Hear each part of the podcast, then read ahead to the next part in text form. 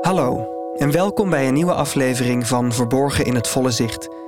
In deze podcast bezoek ik, Simon Heijmans, in opdracht van de Erfgoeddeal bijzondere plekken in Nederland.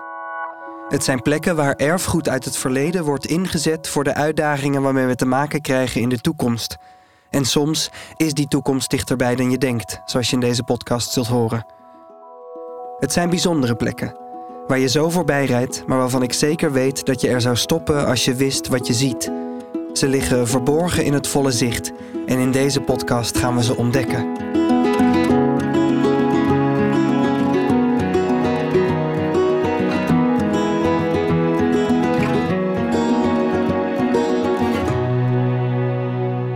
In deze aflevering staat een grote renovatiecentraal van een wijk in de gemeente Zaanstad. Ja, we gaan het hebben over de Rode Buurt in de gemeente Zaanstad. Om te weten te komen wat er daar precies gaat gebeuren, bel ik natuurlijk eerst met het programmabureau van de Erfgoeddeal. Je hoort deze keer een nieuwe stem, namelijk die van netwerker Maurits. Ja, ik ben uh, Maurits van Putten. Ik ben netwerker uh, bij de Erfgoeddeal sinds twee jaar nu. En uh, ja, in die hoedanigheid met name betrokken bij aanvragen voor de Erfgoeddeal in het stedelijk gebied.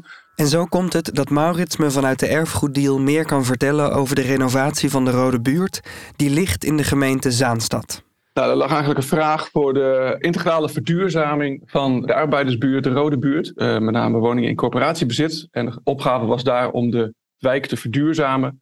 Tegelijkertijd eigenlijk ook de openbare ruimte uh, klimaatbestendig te maken. Klinkt goed, maar het opknappen van een dergelijke wijk is niet vanzelfsprekend. Ja, de spanning zit er met name op het gebied van behoud en verduurzaming, ofwel sloopnieuwbouw. En, en met het laatste scenario ben je eigenlijk, raak je heel veel cultuurhistorische waarde kwijt. En dat is natuurlijk uh, ontzettend jammer.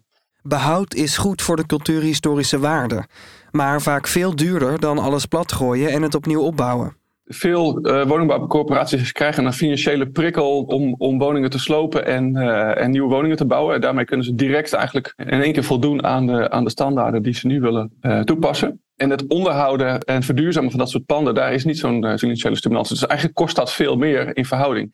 Ik ga uitzoeken waarom ze er in de gemeente Zaanstad dan toch voor hebben gekozen om de wijk op te knappen en niet nieuw te bouwen. En hoe ze dat gaan doen. Daarover spreek ik straks met Nico van woningbouwcoöperatie Partheon, die een groot deel van de wijk in bezit heeft. En met bewoonster Gerda, die tevens het centraal gelegen winkeltje van de wijk bestiert. Maar eerst meld ik me bij Jouke van de Werf. Jouke, Simon. Jouke. Hallo.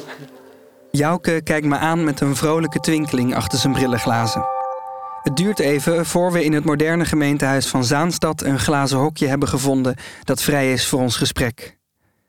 Ik spreek met Jouke omdat hij binnen de gemeente Zaanstad degene is die zich bezighoudt met het erfgoed en wat daarmee wel of niet moet gebeuren. Is er eigenlijk veel erfgoed in de gemeente?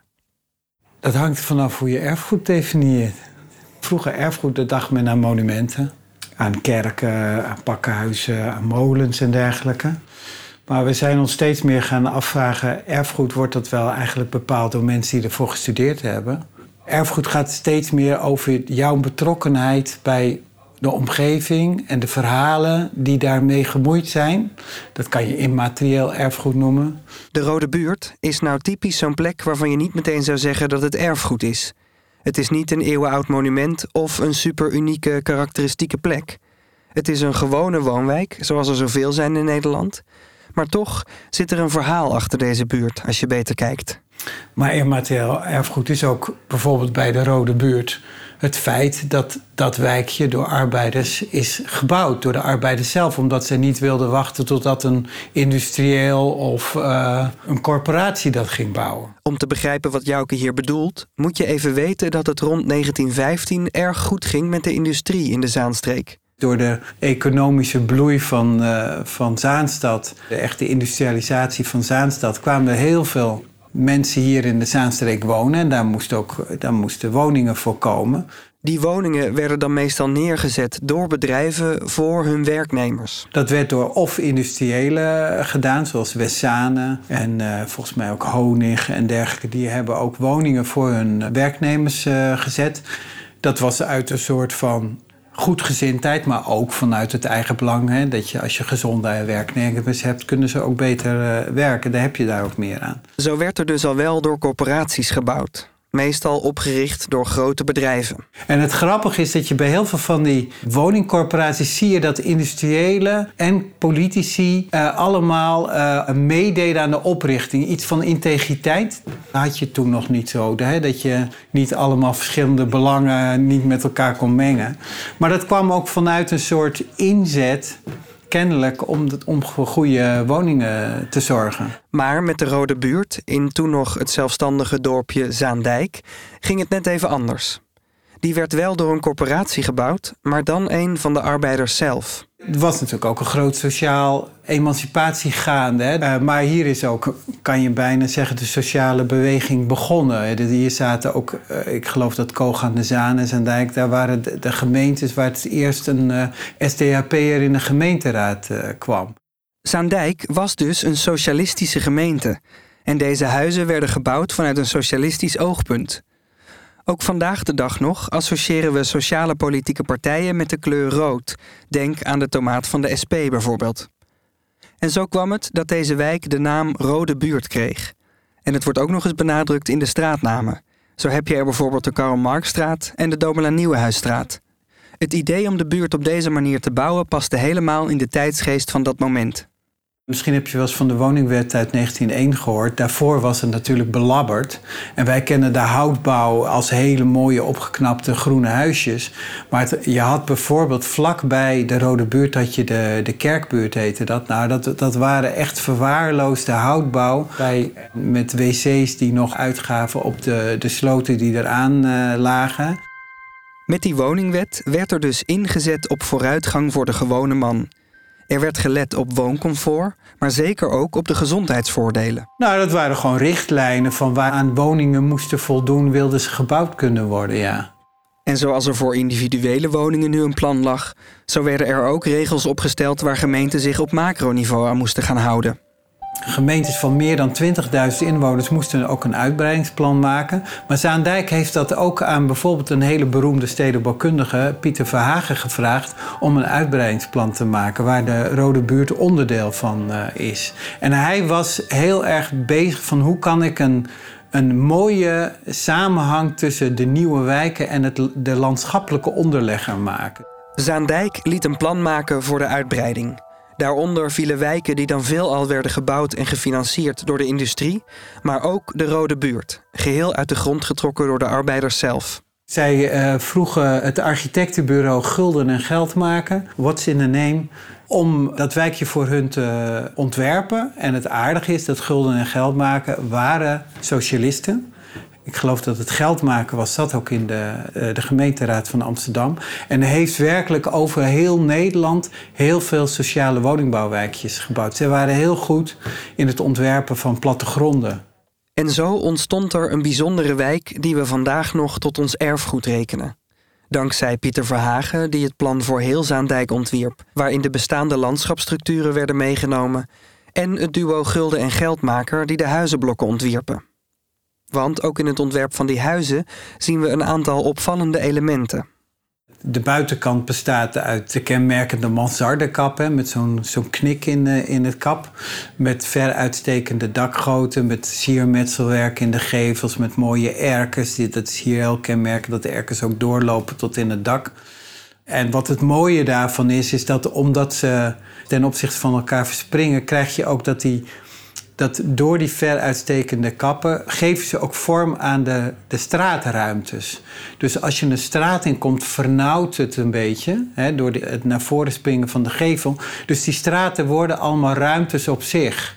En omdat er ook knikken in, in straten, heb je ook het idee dat je echt een, een wijkje binnenkomt. Dat zijn allemaal karakteristieken die je in heel veel tuindorpen in Nederland ziet. En er werd ook al nagedacht over de functies en de plaatsing van bepaalde gebouwen. In dit wijkje heb je op de hoek van de Goeman Borgesiusstraat en de Karl Marxstraat ook heel aardig natuurlijk dat die, dat die straatnamen ook allemaal naar vooraanstaande socialisten zijn genoemd. Maar op de hoek zit een winkeltje.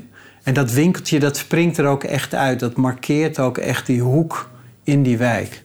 De wijk heeft als het ware destijds al een logische indeling gekregen. En iets daarvan zal in het kader van het project waar de erfgoeddeal nu bij betrokken is, weer worden teruggebracht. Kijk, erfgoed helpt ook bij klimaatadaptieve maatregelen. Want je kunt die groenstructuur dus daar ook voor gaan benutten. Ik gebruik bewust het woord terugbrengen, want er is in de loop der tijd wel vaker wat opgeknapt en veranderd aan de wijk, maar toen nog niet met het oog op de erfgoedwaarde van deze plek. Nou, er is iets, iets curieus wat ik nooit ergens gezien heb. Dat zijn, je hebt die hele mooie erkens met dakkapellen, daar zitten regenpijpen aan. Heel opmerkelijk. En er is veel trespa toegepast, dat, van die, dat plaatmateriaal. Het is de zogenaamde punaise architectuur. Nou, dat, dat is dit eigenlijk. Hè. Dat, zijn, dat komt door de toepassing van trespa. Er sneuvelden ook al wat erkers. Die werden vervangen door gewone vlakke ramen. En de uitstekende voegen die oorspronkelijk werden aangebracht... hebben het lang niet allemaal overleefd. Maar toch... Wat wel aardig is toch van de Rode Buurt is dat ondanks je dat soort dingen ziet, het toch ook wel heel gaaf bewaard is gebleven. Daarom was dit wel een van de wijken waar wij zeiden: oké, we begrijpen dat sommige wijken uh, voor nieuwe woningen gesloopt wordt worden, maar als er één wijk voor behoud in aanmerking komt, dan is het wel deze wijk. Zo dacht Jouke er dus over namens de gemeente Zaanstad. Maar een andere belangrijke partner hierin is de woningbouwvereniging, die de wijk grotendeels in bezit heeft. En in dit geval was Partion ook het lef en de moed gehad om te zeggen: Nou, weet je, dit, ook in samenspraak met elkaar, dit wijkje gaan we toch overeind houden. Daar gaan we in investeren. Ik laat het gemeentehuis van Zaanstad achter me en vertrek richting Zaandijk. Daar zal ik straks van bewoonster Gerda horen hoe er in de wijk wordt aangekeken tegen de grootscheepse verbouwing. Maar eerst hoor ik graag wat er nou precies gaat gebeuren. En daarvoor spreek ik af met Nico Broers, projectleider namens woningbouwcorporatie Partheon. Hij houdt kantoor in een inmiddels leegstaande woning in de wijk. Welkom in het wijkkantoor. Het was wel bij een woning ooit.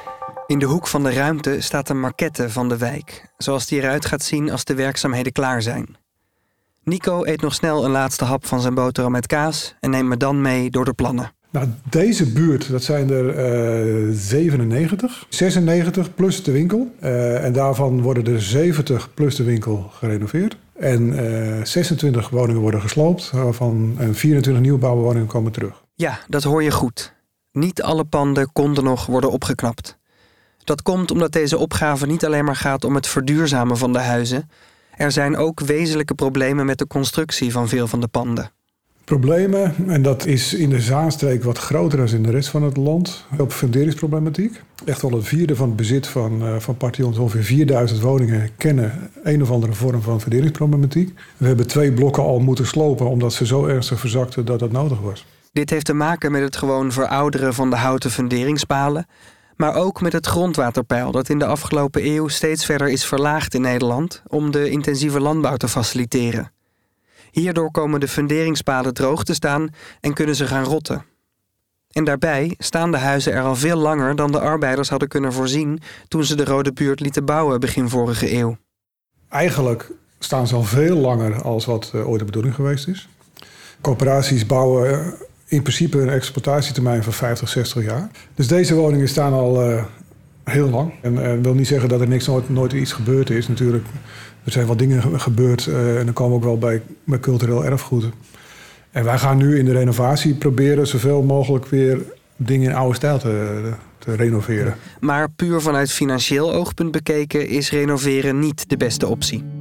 Nou, nieuwbouw is goedkoper dan renoveren, althans op dit niveau. Hoe komt dat even voor jullie? Eh, in de nieuwbouw kan je veel meer eh, prefabriceren. Dan komen dingen kant-en-klaar aan.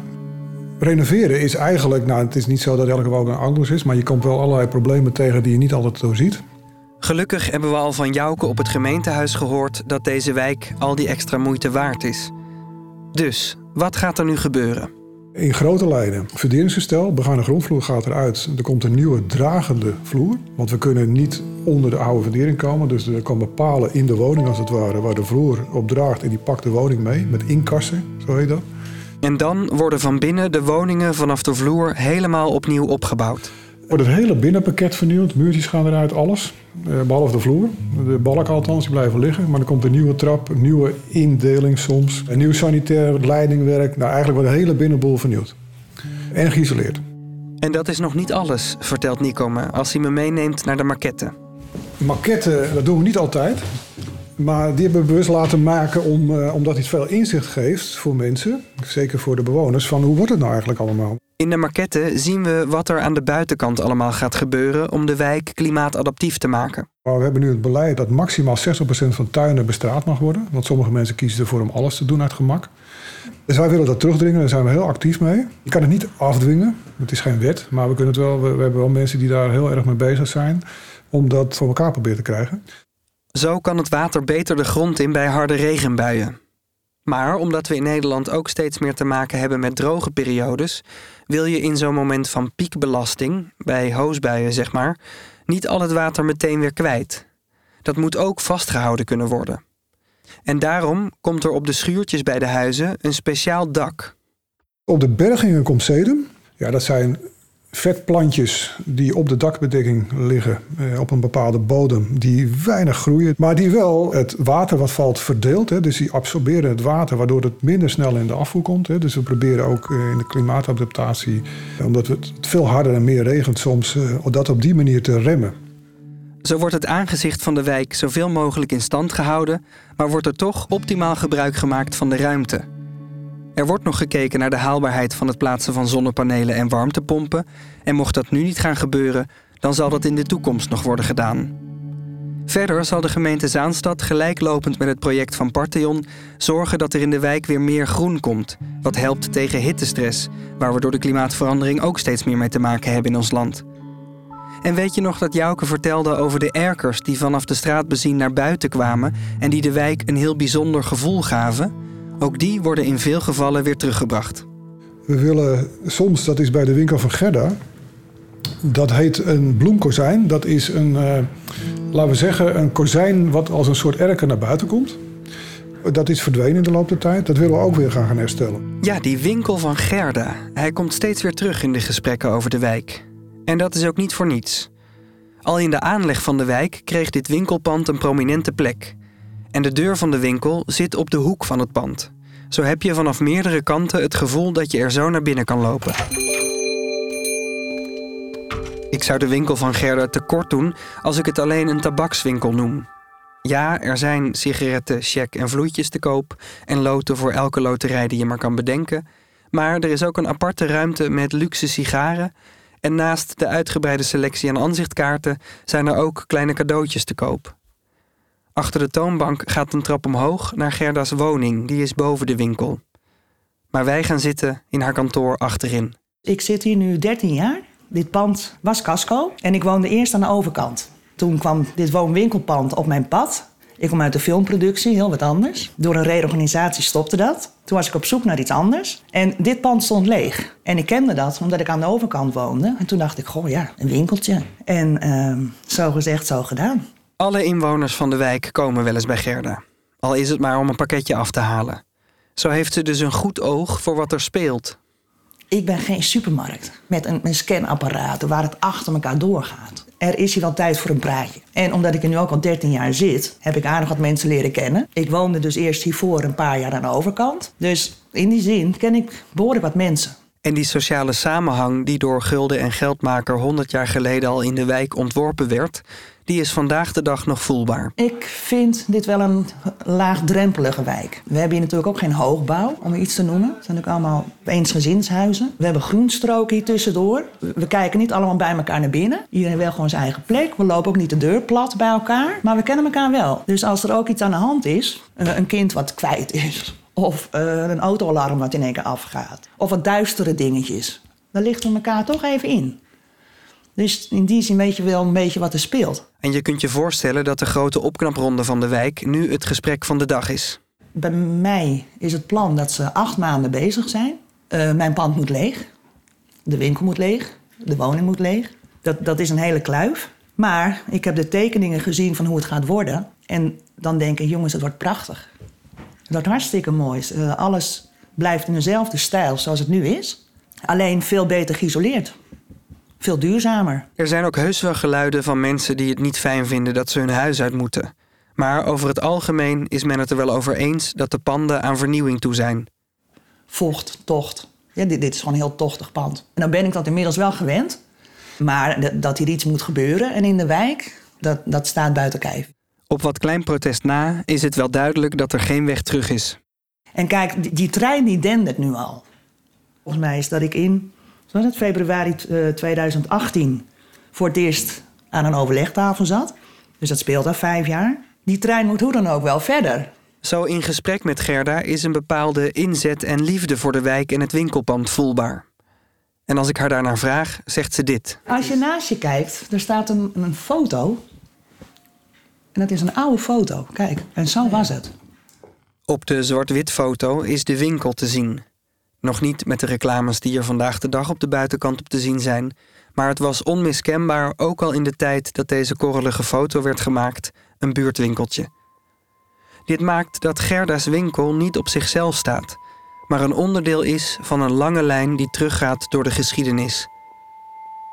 Naast de foto heeft ze ook nog een map met afbeeldingen van de originele bouwtekeningen van het pand, waar in zwierige letters op staat gulden en geldmaker. Ergens komt met de leeftijd van deze plek de wens mee om te weten wat er voor ons kwam. En dat maakt het waard om deze panden te behouden. Omdat je op die manier de, de geschiedenis en het verhaal behoudt. Dat vind ik heel mooi als dat kan. Als een pand nog in een dermate goede staat is, dan, dan is het de moeite van het behouden waard volgens mij. Dan behoud je de historie en het verhaal. Dat geef je weer door aan de volgende generatie. Kijk, als dit op een gegeven moment klaar is, nou, dan staat het er weer voor de komende honderd jaar. En ja, ik vind het wel jammer dat er te snel naar alleen de kostenposten worden gekeken. En ik weet wel dat slopen en nieuwbouw vaak goedkoper is dan restauratie. Maar ja, daarmee vlak je ook een heel stuk geschiedenis uit. Ja. De komende tijd wordt hier met moderne technieken gewerkt om de wijk weer herkenbaar te maken zoals die ooit gebouwd werd, door en voor een groep arbeiders. Maar nu, met verstopt in de muren, vloeren en op de daken, maatregelen die de panden klaarmaken voor misschien nog wel 100 jaar. Je luisterde naar Verborgen in het Volle Zicht, een podcast van Simon Heijmans in opdracht van de Erfgoeddeal. Muziek in deze podcast is van Amir Vahidi. De audiomix wordt gedaan door Sam Huisman. Productie en aanvullende montage is in handen van Bengt Kropmans. Wil je meer weten over wat de Erfgoeddeal doet? Kijk dan op www.erfgoeddeal.nl.